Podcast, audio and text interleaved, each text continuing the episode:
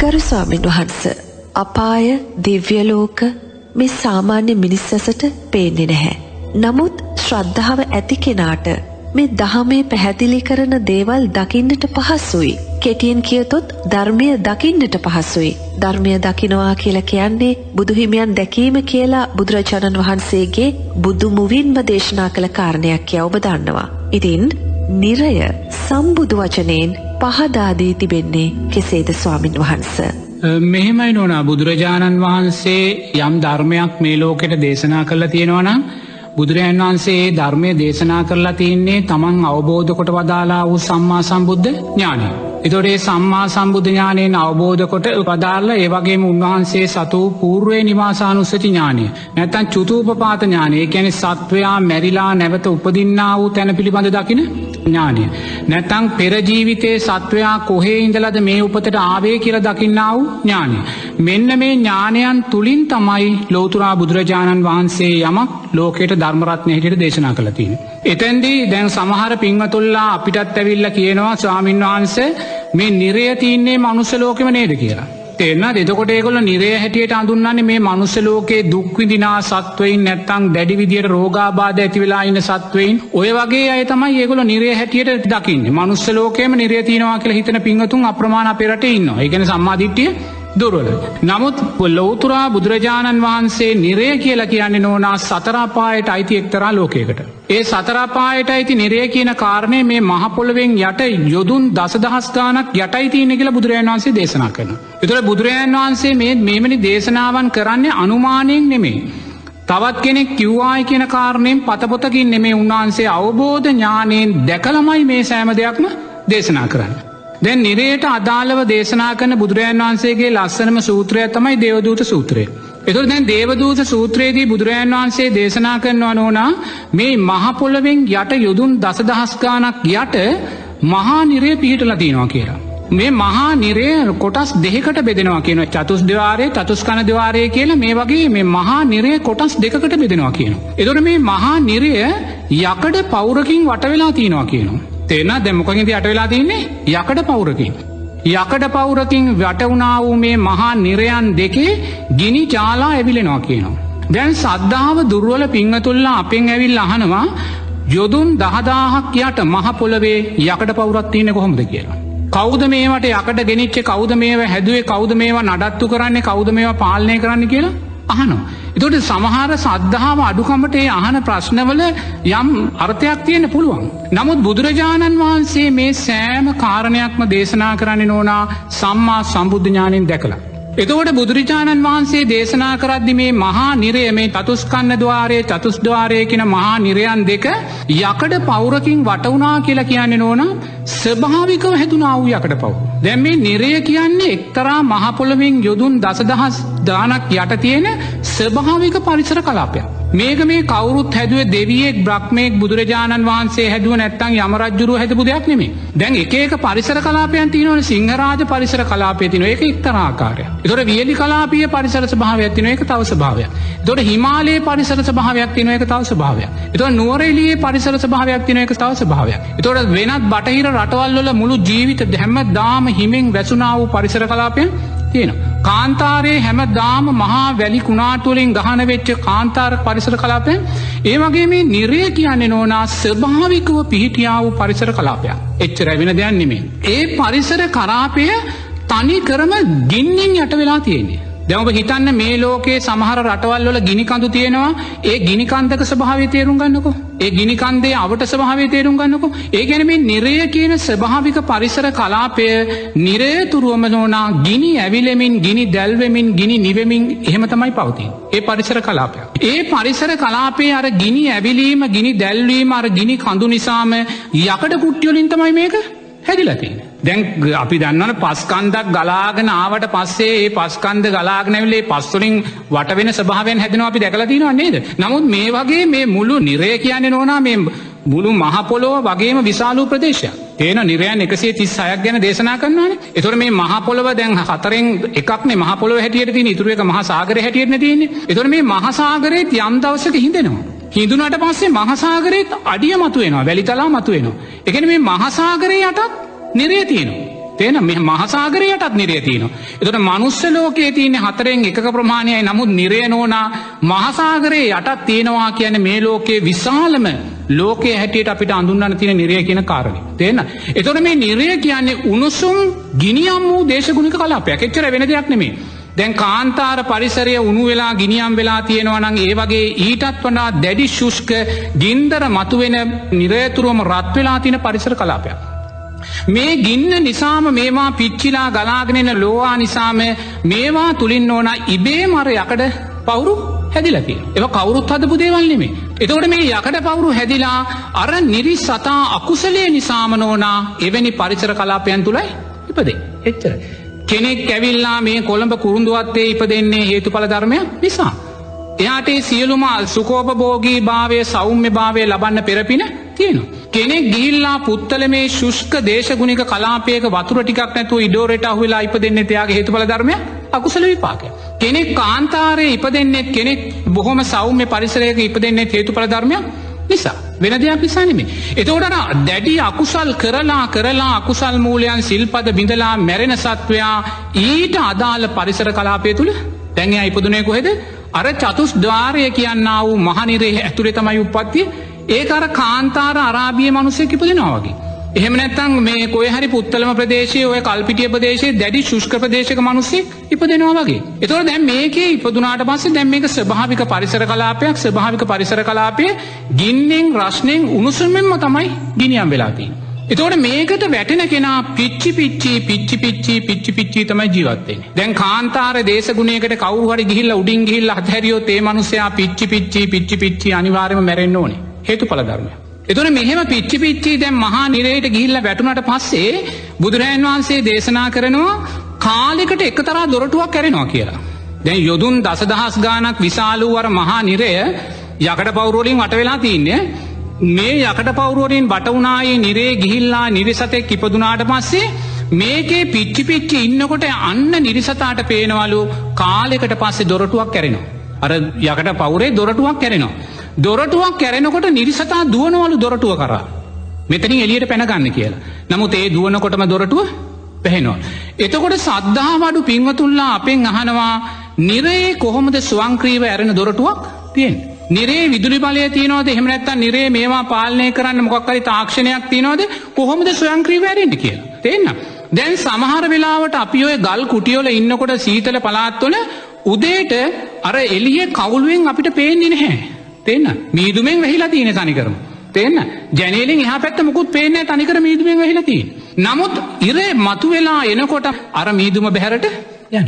තිෙන්න එතු දැන් කවරුවත් මේක සුවිච්චයක් දැම්මද නැහැ ස්භාවික තත්ත්වයක් මෙතරවෙන්.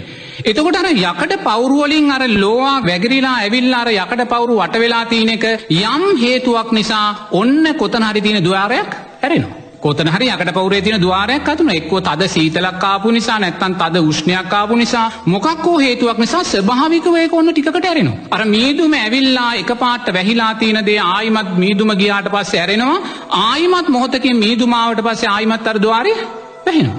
එතුර දැම් මේක ස්වංක්‍රීව කවුරුත් කලාද නැහැ ස්භාවික පරිසර ක්‍රියාවලියත් තුළයි මේක සිද්ධවෙන්. දැන්ගන්න දොරටු ඇරුණා මොක්කරි හේතුවක් නිසා ස්භාවික ගිනිජාලා අඩුවීමක් මොක්කරි නිසා එම නැත්තන් දුමෙන් වැහිලා තින දෙයක් දුම අඩුවීම නිසා අන්නර දොරටු ඇරුණ වගේ පේනවාම අන්න නිරිසතා දුවනු. දුවන්නේ ඇයි මෙතනින් පයින්න දැන් යට පේනවා එලියත් තියනවා කිය තේන නමුත් යනකොටම දොරටු වැහෙනවා කියන. නමුත් ඒක ස්භාවික හේතුවක් නිසා අරවිදිටයි දොරටුව වැහෙන් එතොට කෙනෙ ප්‍රශ්න කරනවා දොහොම දුවදවායිද ඒවාට මෙතන හයිෙන් දුව ඔතනින් පයින්න බැරිද? කිය නමුත් නොනා මේ මහනිරයකයන් යොදුන් දහදස් ගානක් විශාල දෙයක්. යොදුන් දහදස් ගානක් විශාලයි කියන මෙතන ඉදන් අපිට දොරක් කැරෙනවා කියන්නේ යොදුන් ගානක් ඇත තමයි අපිට ඒක පේෙන් එතවරන්න ස්භාවිකෝ මේක වැහෙනවා. නමුත් මෙහෙම දුවල දුවල මේ වගේ ඉඳලා ඉඳලා යම් වෙලාවක මේ මනුස්සයා අනිවාර්යෙන්ම අර ඇරෙන දොරකින් පයිනවා කියන. මහනිරේ ඇරණ දොරකින් පයිනවා කියන. දැන්වන එක මහත්තෙක් ඇවිල්ලා මට කිව්වා මම අබේගිරිය චෛත්‍යය වඳන්න ගිය. අන්රාධපුරේ අබේගිර චෛත්‍යය වදින්න ගිය දවල් දොළහමාට එකට වගේ. තේෙන්න්නද දැන් මේ දෙපතුල් නිරාවරණය යන සෙරෙප්පුදාලනෑ නමුත්තර බිම අල්ලලා අතුරලා තියනර කළුගල් මත කකුල තියන්න බෑ කකුල පිච්චෙන. තේෙනද. ඒන කකුල පිච්චිලා දැන් ඒ මහත්තයාගේ කරකටත් යට ඇවිල්ලා. අර දියබුබුලුත් ඇවිල්ලා. තේරෙනවද? බලන්න දවල් 12ට 12 මාට එකට වගේ රුවන්වැලි මහා සෑයේ අර සැහැමලු එහෙම ඇවිදින්න බෑ. කකුල් පිච්චිලා දියබුබුලු වෙනවා. ඒකෝර දැන් මේ මහත්තයා දැන් මෙතන ගිහිල්ලා වන්දනා කරන්න ගිහිල්ලා කකුල් දෙකේ දියබුබුලු ආපුවාම මේ අවුවෙන් මේ පිච්චීමෙන් බේරෙන්න තේරෙනවද? එතන තනකොල්ලක් තිබ්බා. තේරෙනවද? මෙයා ගිහිල්ලා තනකොල්ලට පයිනවා. දුවගෙන ගිහිල්ලා තන නමුත් තනගොල්ලේ තියන්නේ තනිකරම නිදුකුම්බා කටු තනගොල්ලා. ඒ කියන්නේ දැන් පිච්චීමේ වේදනාවට අමතරව දැන් කටු ඇනීමේ වේදනාවක් ඇති වුණා. තේරෙනවද? දැන් කටු ඇනීමේ වේදනාවයි පිච්චීමේ වේදනාවයි දෙකක් දරාගෙන දැන් මෙයා මෙතනමුත් බේරෙන්න තවත් මඩ වගුරක් වගේ තැනකට යනකොට කකුල බෝතල් කට්ටකට කැපෙනවා. තේරෙනවද? දැන් මොකද්ද මේ වුනේ? එකකින් බේරෙන්න ගිහිල්ලා දෙකට වැටුණ. දෙකෙන් බේරෙන්න ගිහිලා තුනට වැටුණ. තේරෙනවද? දැන් මේ ස්වභාවික තත්ත්වයක්. මේ ස්වභාවික තත්ත්වය ඇති කරන්නේ කුමක් නිසාද? අධික දුක නිසා. වේදනාව දුක නිසා. එතකොට අර මහා නිරයට වැටෙන කෙනා මහා නිරේ පිච්චි පිච්චි පිච්චි පිච්චි ඉන්නවා. ඔන්න යම් කාලයකට අර දොරටුවකින් මෙයා එළියට පැන ගන්නවා. තේරෙනවද? ඇයි පහින්නේ? අතන කකුල් දෙක පිච්චෙනවා නිසා අන්න පැන්න තනගොල්ලට. තේරෙනවද? දැන් තනගොල්ලට පනිද්දී එයා හිතුවද මේක නිතුකුම්බා තියනවා කියලා? එයා එතන සැපයක් කියලා පහින්නේ. නමුත් එතනදිත් එයා නැවත දුකකුයි අත් කරගන්න. දැන් එතකොට මෙයා මහා නිරයෙන් අර දොරටුවෙන් පැන්නාම බුදුරජාණන් වහන්සේ කියන ඔයා ගුට නිරය කියන නිරයට වැටෙනවා. ඒකේ තනිකර ඉන්නේ නෝනා මේ යකඩ වානේ දැටි වගේ තියෙන තද උල් කටක් තියෙන පණුව කියනවා. තේනද?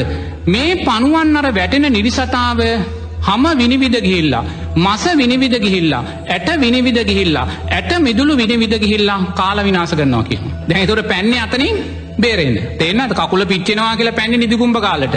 ඒ වගේ මහ නිරයෙන් බේරෙන්න පනිද්දී ගුට නිරයටයි වැටෙන්නේ ගුට නිරේ අර තියුණු තුඩ තියෙන වානේ දැටි වගේ තුඩ තියෙන පණුවන් විසින් සම්පූර්ණයෙන්ම කාල විනාශ කරනවා කියනවා. මැරෙනවා ඉපදෙනවා මැරෙනවා ඉපදෙනවා මැරෙනවා ඉපදෙනවා ඉපදෙනකොට ආයිමත් පණුව කනවා. එතකොට දැන් බලන්න කෙනෙක් ප්‍රශ්න කරන්න පුළුවන් මේසා ගිනියම් වූ නිරේක පණුවන් ඉන්නේ කොහොමද කියලා. එතද සූත්‍රය හරියට අපි දකින්න ඕන. එතකොට මේ බුදුරජාන් වහන්සේ මේ පනුවන්ට වානේ යකඩ වානේ වගේ තියුණු මුවක් තියෙනවා තියුණු ශරීරයක් තියෙනවා කියන්නේ ඇයි. ඉඩෝරෙට අර රස්නෙට උෂ්නයට ඔරොත්තු දෙෙන ආකාරයට තමයියා බිහිවෙන්. දැන් නුවරේලි කලාපේ ජීවත් වෙන සතාට වගේන මේ කාන්තාර කලාපේ ජීවත් වෙන සතාගේ සියලු දේවම්ම තද ස්භාවෙන් තින් මොකදේ කාන්තාර දේශගුණයට ඔරොත්තු දෙෙන්. එතොට මේ නිරේ ගුට නිරේ ඉන්න පනුව කියන කවුරුත් ගිහිල දව් පනුව නෙමේ. ඒත් අකුසල් විපාකයක් නිසාර උනුස්සම් වූ දේශගුණික කලාපයට ඔරොත්තු දෙෙන ආකාරය ශරීරයක් තමයියාට ලැබිලති තේන්න නැතු කවරුත් ගිහිල දැම්මන මේ එතෝඩේ ගුට නිරේ ඉන්න පනුව අර මනුස්්‍යාව කාල කාල විනාස කරනවා කියලු. ඊට පස දැන් එතනින් බේරෙන්න්න මෙයා පයිනවා කියනව තැවතැනකට එතෙන්ට ගියාම හිඹුල් වනය ගෙන නිරේතිනවා කියන. දැන්ඔය කටු ඉම්බුල කියලා කියන්නේ මනුසය කටු ඉම්බුල කියන්නේ දැන් මනුසය කටු ඉම්බුල කිව්හම සමහරු කියනවා නිරේ කටු ඉම්බුලක් තියෙනවා නම් මේ මනුස්්‍යයෝ කරන අකුසල් දිහැ දකිද්දී මේ එක කටු ඉම්බුලේ මෙච්චර මනුස්්‍යය කොහොමද නගින්න කියලා. සමාරුවන මෙහෙම කටුයිම්පුලක් තියනවනම් මේක හැදුවේ කවුද මේක නඩත්තු කළේ කවුද මේක දිනපතා ප්‍රයෝජනයට ගන්නවනම් මේක ගරා වැටෙන් නැද්ද බිඳෙන් නැද්ද මෙවැනි ප්‍රශ්න අහන. නමුත් මේ කිඹුල් වනය කියන්නේ නෝනා ස්භාවික පරිසර කලාපයක්. එක ගහක් නෙමේ එක කටිම්පුලක් නෙමේ. කවුරුත් හැදවා වූ කවුරුත් මැව්වා වූ දෙයක් නෙමේ. හිඹුල් වනය කියන ස්භාවික පරිසර කලාපයක්. ඒ පරිසර කලාපේ තියෙන උෂ්නාධික භාවය නිසාම ගිනියම් ස්භාවය නිසාම ඒ ගිනියම් භාවයට ඔරොත්තු දෙන්න වූෂාකයන් තමයි වැඩේ. තේෙන්නාද. දැන් අපි ශුෂ්ක පලාත්වලට ගියාට පස්සේ දරුණු තද දේශගුණික කලාපොල්ට ගියාට පස්සේ ඒ හැම ගහක්ම නෝන කටු සහිත ගස්. ඒමගේම ඉඩෝරෙකට ඔරොත්තු දෙන ආකාරයෙන් තම ඒ ගස් පීටලති. එතකොට මේ හිඹුල් වනය කියන්න මොකක් දෙහෙනම් නිරේ තියෙන්න්න වූ උෂ්ණ පරිසරයට ඔරොත්තු දෙන්න වූ ශාකයන්ගෙන් පිරිච්ච පරිසර කලාපයක්. ඒ පරිසර කලාපේ තියෙන සෑම ගහකම මුලෙත් කටු තියෙනවා. අත්තෙත් කටු තියෙනවා. කොලෙත් කටු තියෙනවා ඇයි ඒව බෙහෙම පිහිටදීන්. අර උෂ්ණ දේශගුණයට ඔරොත්තු දෙන්න. දැන් ඔබ බලන්න අපේ උෂ්ණ පරිසර කලාපොල පතොක් වගේ ඔය මේවා සියලු දේ කටු සහිත දේවල්. ඒ කටු සහිතයේ තද කොළ බවට ඒවා පත්වවෙන්නේ කුමක් නිසාද උෂ්ණ පරිසරයට ඔරොත්තු දෙන තමයි සකස්වේ. එන එතෝ දැ මේ හිඹුල් වනය කියන්න වෙන දෙයක් නෙමේ දැම් මෙයා මෙතනින් ගුට නිරයෙන් බේරෙන්න්න ගිල්ල හිඹුන් වලට පැන්නට පස්සේ දැන්මොකක්ද වෙන්නේ කොතැන් දෙයක් පයින්නේ ඒ මුළු පරිසර කලාපයම නෝනා මුලෙත් කඳෙත් අත්තෙත් හැම තැනම කටු තිවුණු කටුවලින් පිරිස්ස හිඹුල් ගස්තමයි තියෙන් දැන් එතකොට හිඹුල් ගස්තියද යාට බේරෙන්න්න පුළුවන්ද නමුත් කෙනෙක් කියන්න පුළුවන් හරිස්වාමිනාස ගස්තිීන බව ඇත්ත. නමුත් එයාට පුළුවන්නේ පරිස්සමෙන් ගස් බේරල යන්න කියලා. ගොද බුදුරජන් වහන්සේ කියනවා මේ හිඹුල් වනයට වැටෙන නිරිසතා. සෑම නිමේශයකදිම. අර තිවුණු කටුවල ඇනීම නිසා සම විනිවිද ගිහිල්ල මස් විනිවිද ගිහිල්ල ඇට විනිවිද ගිහිල්ලා මේ සියලුම ශරීරය කෑලි කැපිල තුවාල වෙලා මියනෝ කියලා. එතො දැන් මොකක්ද වෙන්න හිඹුල් වනයට වැටනට පස්සේ සෑම ගසකම තියෙන්නේ කටු. මුලෙත් කටු කඳෙත් කටු කොලෙත් කටු තේනල්. නමුත් මේකෙන් මනුස්සෙකුට බේරිලා යන්න බැහැ ඇයි බැරි. මහපොලෝ ගිනි ගන්නවා. තෙන්න මහපොලෝ ගිනි හම් වෙලා දැන් ඔබ හිතන්න ඔබ මහා කැලේකට ගිහිල ඔබ ඇතුල් කරනවා. මේ කැලේ හැම ගහකම මුලෙත් කටු තියෙනවා කඳෙත් කටු තියෙනවා කොලෙත් කටු තියෙනවා අතු කටු තියෙනවා. මුළු මහපොළොවත් ගිනි ගන්න ඔබට පුළුවන්ද බේරෙන්න්න දුවල බේරෙන් පුළුවන්ද? නැවතිලා බේරෙන් පුළුවන්ද? ගහකට නැකල බේරෙන පුළුවන්ද? මේ පරිසර කලාපයක් නැතු මේ කටුවමුලක් ගිල්ල කවරුවරි හයි කරලා මේ නිරසත්තුන්ට දඩුවන් දෙෙනවානෙමේ. මේ උෂ්නාධික කලාපොල රටයින්දි ගහ වැවෙනවා වගේ පතොක් ගහ වැවෙනවා වගේ ඒ ඊට අදාළ ශාකයන් වැවෙනවා වගේ ඒ උෂ්නාධික කලාපේ තියෙන ගහතමයි හිබුල් වනේ කිය. ඒ හිබුල් වනයට අර නිරිසතා පනිද්දී එයාට කොහෙන් දිව්වත් මේ අතපයි ඔක්කෝ මිරිලයන්න. නවතින්න බෑ නැවතුනොත් පිච්චෙනවා. තෙන්න. එත අනිවාර්යෙන් මෙයායි අකුසල් විපාක විදිනවා. එතොට හිඹුල් වනයෙන් බේරෙන්න්න මේ සතා කොහොම කොහොමරි මේ අතපයි ඉරාගෙන දුක්විඳී මැරිමැරි ඉපදිපදී මෙයා හිඹුල් වනයනුත් පයිනවා කිය. හිබුල් වනේ පැන්නට පස්සේ අසිපත්‍ර වනයට වැටිනවා කියන. එතොට අසිපත්‍ර වනය කියන්නේ නොන බුදුරජන් වන්සේ දේශනා කරනවා දැන් අතන කටුන තිබ්බේ එන්න අසිපත්‍ර වනය කියන්නේ ඒ සෑම ගහකම කොල පත්‍ර දැලිපියක් වගේ තියුණුයි කියනවා. එන්න දැලිපියක් වගේ තියුණුයි කියනවා. ඒ තිවුණු අසිපත්‍ර වනය අසිපත්‍ර වනයට දැඩි විදිහට සුළං හමනවා කියනවා. ඒ සුළං හමනකොට අර අසිපත්‍ර වන හෙල්ලිලා අතු හෙල්ලිලා නිරිසතාගේ නහය කැපෙනවා කියනවා බෙල්ල කැපෙනවා කියනවා අතපය කැපෙනවා කියනවා කැපි කැපි කැපි කැපි දුක්කිදිනවා කියනවා. එතද මේ අසිපත්‍ර වනය කියන්නේ මොකක්ද කවුරුත් හදපු ගහක් නෙමේ තිෙන්න. අසිපත්‍ර වනය කියන්නේ අර උනුස්සුම් ගිනියම් වූ දේශගුණයට ඔරොත්තු දෙන්න වූ පරිසර කලාපේ වැවෙන ගස්. ඒ පරිසර කලාපේ වැවෙන ගසේ පරිසරයට අදාළව අන්න ඒ කොළ හැඩගහෙනවා. කොළ හැඩගෙන් දැම් පතොක් ගහක් බලන්න රටඉදි ගහක් බලන්න ඔය තල්ගස් බලන්න මේ හැම කොලේකම කැපෙන ස්භාවයක් තියනවා. දැ මේ මෙච්චර මේ උණුසුම් පරිසරයකන මේ අපි ජීවත්තය නේද මේ ඉරහඳ පායන පරිසරයක මේ වහින පරිසරයකත් දැන් සුෂ්ක පලාස්වල සමහර පත්‍ර තියනවා කැපෙනවාත. තේන පතොක් ගල්ලපුුණු කැපෙනල් ගයවතින. එතොට මේ කැපීම සකස් වෙන කුමක් නිසාද අර පත්‍රයේ තියන තදභාවයක් පරිසරයේ තියන රස්නිස භාවයක් වාතයේ තියන සුලන්ස භාවයක් මේවා එකට මේවා වෙනකොට අර කම්හලේ පිහිය රත් කරනවා වගේ අන්න කැපෙනවා. කැපෙන ස්භාවිටෙනවා. ඒ හේතු බල ධර්මයක් පරිසරයේ තින උණුසුම් ස්භාවයක් පත්‍රයේ තියන ගණස්භාවයක් වාතයේ තියන සුලන් ස්භාවයක් මේ තුන එකතු වෙනකොට. තියෙන මේ තුන එකතු වෙනකොට අර කම්හලේ පීයට මුවහත තියෙනවා වගේ අන්න පත්‍ර කැපෙන ස්භාවට දැඟරෝ මේවා කවුරුත් මැව්වද ස්භාවික පරිසර කලාපයක් තිෙන්න්න. එතුර මේ ස්භාවික පරිසර කලාපය අසිපත්‍ර වනේ ගස්වල කොලවලින් ගින්දර විහිදෙනවා කියනවා. එතුර ගින්දර විහිදෙන්නේ කොහොමද.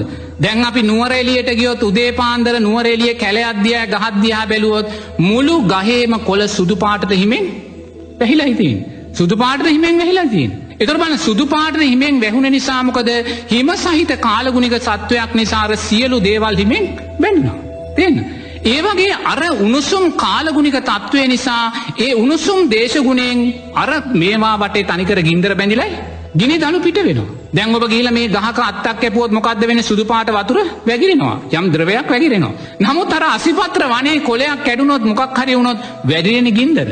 මොකද ගින්දරට අදාළ පරිසරයක තමයි ඒවා හැදෙන්නේ. තියන්න අර නුවරේලිය තියෙන්න්න වූ අර සිසිල් දේශගුණය තුළ හිමමිදෙන දේශගුණය තුළ මුල්ලු පරිසරයම හිමෙන් වැහිලා ගස්කොලන් අතු ඔක්කොම හිමෙන් වැහිලා සුදුපාටර් පේනවා වගේ අසිපත්‍ර වනයේ උණුසුම නිසා අන්න ගස්වලින් ගිනි දැල් පිටවෙන.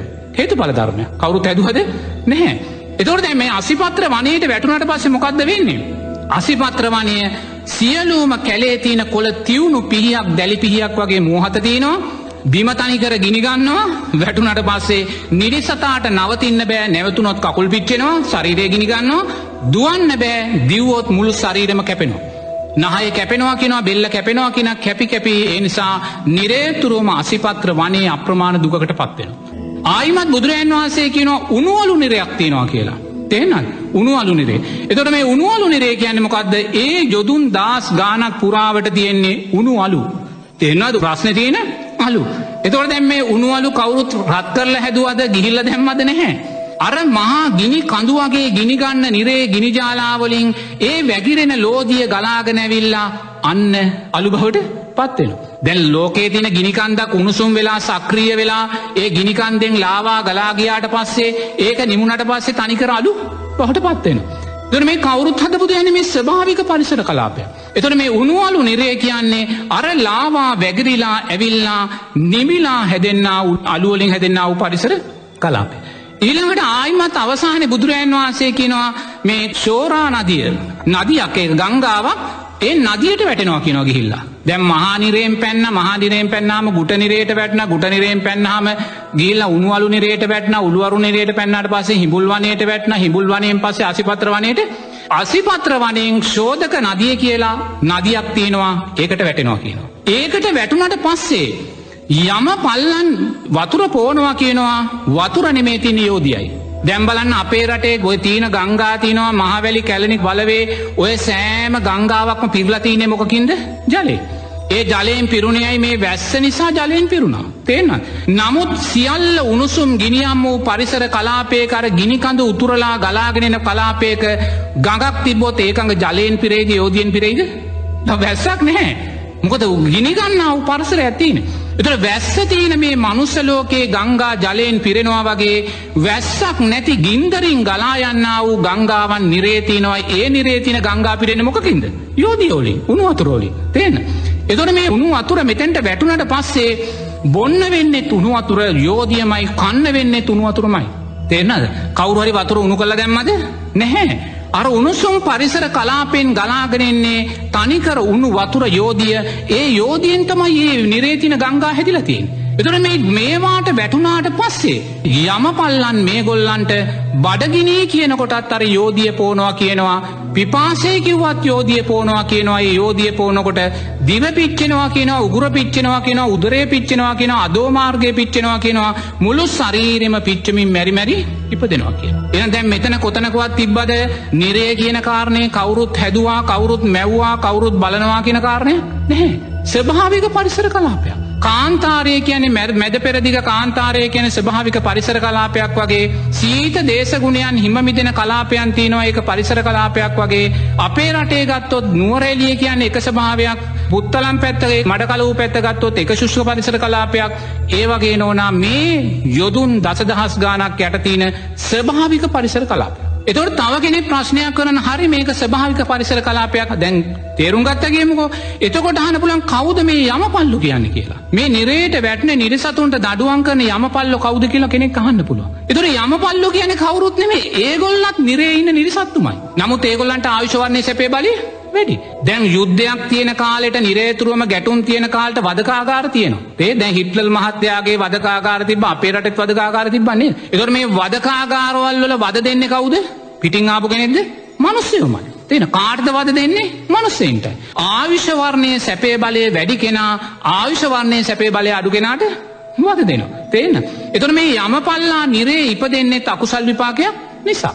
එතොනේ යමපල්ලා අකුසල් විපාකය කියන්න මොකද දේශය වෛරය ක්‍රෝධය සිල්පද බිඳීම් මේ වගේ දරුණු හිත්තිීන අය ඔන්න ගිහිල්ලා නිරේ ඉප දෙනවා නිරේ ඉපදුනත් ඒගුලන්ට ආවිශවන්නේ සැපේ බලය වැඩි. ඒ ආවිශවර්ණය සැපේ බලය වැඩි කෙනා තමයි යමපල්ලා කියලා කියන්න. එතොටේ යමපල්ලන්ගේ තියෙන සංසාරික දවේශය නිසා සංසාරික පලිගැනීම් නිසා ඒගොල්ලන්ට අර ශුෂ්ක පරිසරය නිසා ඇතිවෙන මානසික පීඩනය මානසික කරූරත්වය නිසා ඒගොල්ල පලිගැනීමම තමයි කර. එතොට ඒගොල්ල අර නදියට වැටෙන මනුස්සයින්ට ඒගොල්ලන් අර යෝධිය ගිනිවතුර පෝනවා කියන නොන අපේ මිනිස්සු මත් පැන් පෝනෝගේ තමයි. ඒ ඒගොලන්ට ඒ ගානක් හැ දව මිනිස්සු අත්තපය කපල මුහුණු කපල විකෘති කරලා මරල ගහලව කොච්චර දෙයක් කරන්න මොක අකමැත්තෙද කරන්නේ කැමැත්තෙන් කරන්න. දැම් වදගා ගාරවල්ල අප්‍රමාණ මිනිස්සුන්ට අතීතයේ වද දුන්න අකමැත්තෙන්ද? සුසරි සතුටෙන් කරන්නේ. කරනදේ දිනපොත එලියන මං අද මෙයාගේ ඇතකපුුව මෙයාගේ නහයකැපුව මෙම කියලයා දිනපොතෙත් ලියනවා. ලියමින් තමයි වදන්නේ ඒවගේ යමපල්ලා කියන්නෙත් මේ නිරේ සතුටෙන් අනුන්ත වඩ දෙන්නාව ආවිශ වන්නේ සැපේ බලි වැඩියයි. එතෝ දැම් මේ නිරේ කියන්න දැන් කවුරුත් මවපු දෙයක් බුදුරජන් වහන්සේ දඩුවන් දෙන්න ඇතිකරපු දෙයක්ද? නැහැ. නිරය කියන්නේ නොනා මහපොළොව යට තියෙන්න්න වූ යොදුන් දසදහස් ගානක් විශාල වූ ස්වභාවික පරිසර කලාපයක්. ඒ ස්භාවික පරිසර කලාපේ මහනිරෙන් බුදුරන් මේ හේතුඵල ධර්මයෙන් ගලපල දකින්න ඕන් මේක සූත්‍රය නැහැ අපි නුවනින් මෙනෙහි කරලා ගන්න ඕන්. මහනිරයෙන් පටන්ගන්න අන්න මහනිරෙන් පටන් ගැනීමද බුදුරන් වන්සේකිනවා මහනිරය ගිනි ජාලා නගිමින් ඇවිලෙන තැනක් කියලා. අන්න ගිනිකන්ද එතනින් තමයි පටන් ගන්නේ. එතනින් ඔන්න ලාවා වැගිරෙනවා වැගිරිලා ඔහොම ඇවිල්ලාර ගුටනිරේ පනුව ඉන්න වැටෙනවා අර උනුවලු හැදෙනවා ඔහොම ඔහොම ස්භාවික පරිසරය ගලාංගිහිල්ලා ඔන්න නෝනා ස්භාවික පරිසල කලාපයක් තමයි නිරේ කියන්නේ යමෙක් පෙරජීවිතය පින් කරලා සස්්‍රීක නගරයට ඉපදෙනවා වගේ. තියෙන සස්්‍රීක නගරක සැපපහසුකන් සෞම්‍ය දේශගුණ ඇති ඉපදෙනවා වගේ තව කෙනෙක් අකුසල් කරලා ශුෂ්ක වතුර ටිකක් නැති ඉන්න හිටින්න නැති ශුෂ්ක පරිසර කලාපික දෙනවා වගේ බරපතල අකුසල් කරා වූ මනුස්්‍යයෝ සත්වයෝ ගිහිල්ලා උපදින්න වූ ස්වභාවික විෂම ගිනියම් වූ පරිසර කලාපයක් තමයි නිරේකයන්. තේෙන්න්නද. ඉති එනිසා මේසා ලස්සන්ට දේවදූත සූත්‍රයේ ධර්මය විග්‍රහ කල්ල ගනින්දී අපිට නිරේ කියන කාරණය මතුකර ගන්න පුළුවන් තේෙන්නාද. එනිසා යම් පුද්ගලයෙක් නිරේතුරුවම අකුසල් තුළ ජීවත්වෙනවනං නිරේතුරුව සිල්පද බිඳමින් ලෝබදවේශ මෝහයන් තුළ ජීවත්වෙනවනං ඔහු කැමති වෙන්න ඕනේ අනිවාර්යෙන්ම අනුන්ට පීඩා කරනවනං අනුන්ගේ අතපය කපනවනං අනුන්ට හිංසා කරනවනං අනුන්ව විනාස වේවා කියල ප්‍රාර්ථනා කරනවනං ඒ ප්‍රාර්ථනා කරන්න වූ අකුසල්වලට අදාලෝනෝනා ස්වභාවිකව ගිනියම් වූ ගිනිගන්නේ පරිසර කලාපිපදෙන. හැබැ ඉබදුනාට පස්සේ ආයිමත් කල්පගානකට ගොඩේම නැහැමකොද නිරයන් එකසිය තිස්සයක් මංවයකිව හයක් ගැන විතරයි. නිරයන් එකසිය තිස් හයක් තියෙන. ඔය නිරයන් එකසිය තිස්සයි මේකෙන් මේකට මේකෙන් මේකට මේකෙන් මේකට පැන පැන පැන පැන පැන පැන පැන පැන ගිහිල්ල නෝනා අවසාන එකසිය තිස්සයි නිරයෙන් තමයි කවදහරි ගොඩටාවත් ගොටවේ. මොකද මේ නිරේ තුළ කොතනකවත් මෛත්‍රියක් වැඩෙන තැනක් නැහැ. එක පැත්තකින් කැපෙනවා අනිත් පැත්තෙන් ගිනිගන්නවා ඔය දෙකට මැදිවෙච්ච තැන දවේශයමයි වෛරයමයි ක්‍රෝධයමයි බියමයි සකස්සේ. එනිසා නිරයට වැටෙන සත්වයෙක් අහම්බෙන් ගොඩේනවායි කියෙන කාරණය ඕන ධර්මයට අදාළව අපිට කියන්න බැහැ. එන නිරයට වැටෙන සත්වෙක් අනිවාර්යෙන්ම මේ නිරයන් එකසිය තිස්සායම පහු කල්ල යන්න වෙනවා. තේර මං මේ කිවේ කාරණා පහයි.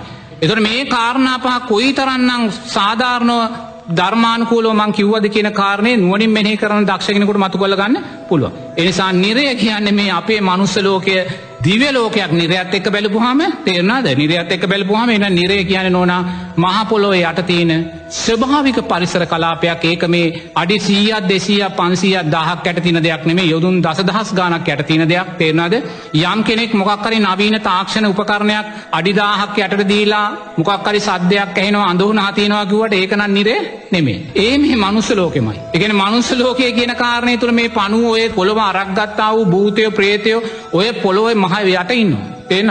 ඒක නිරේ නෙමේ. නිරේ යොදුන් දහසා දසදහස් ගානක් යට තියෙන්. තේන්න? එනිසා මොනම තාක්ෂණයකටවත් නිරේට බටයන්න බැහැ. නමුත් අපි තාක්ෂණයක් තුළින් මහපොලෝ යට කොතනහරි අඩි දාදාහක් මීටර් දහදහක් යට අපි මොකක්කරි අඳෝනාවක් ඇහෙනවා කියන්නේ නිරය නෙමේ. ඒ මනුස්ස ලෝක ආශ්‍රිත සතරාපායි ජීවත් වෙන ප්‍රේතයෙක් නැත්තම් භූතයක්ගේ හඩක් වෙන්න. එන නිරේ කියන්නේ ඊටත් වඩා ගැඹුරු තැනක්. තේන්න. එනම් බලන්න කොයිසා ගැඹුරු කොයිසා දුකෙන් පිරුණු තැනක්ද කියන කාරණය නිරේ කියන තැන.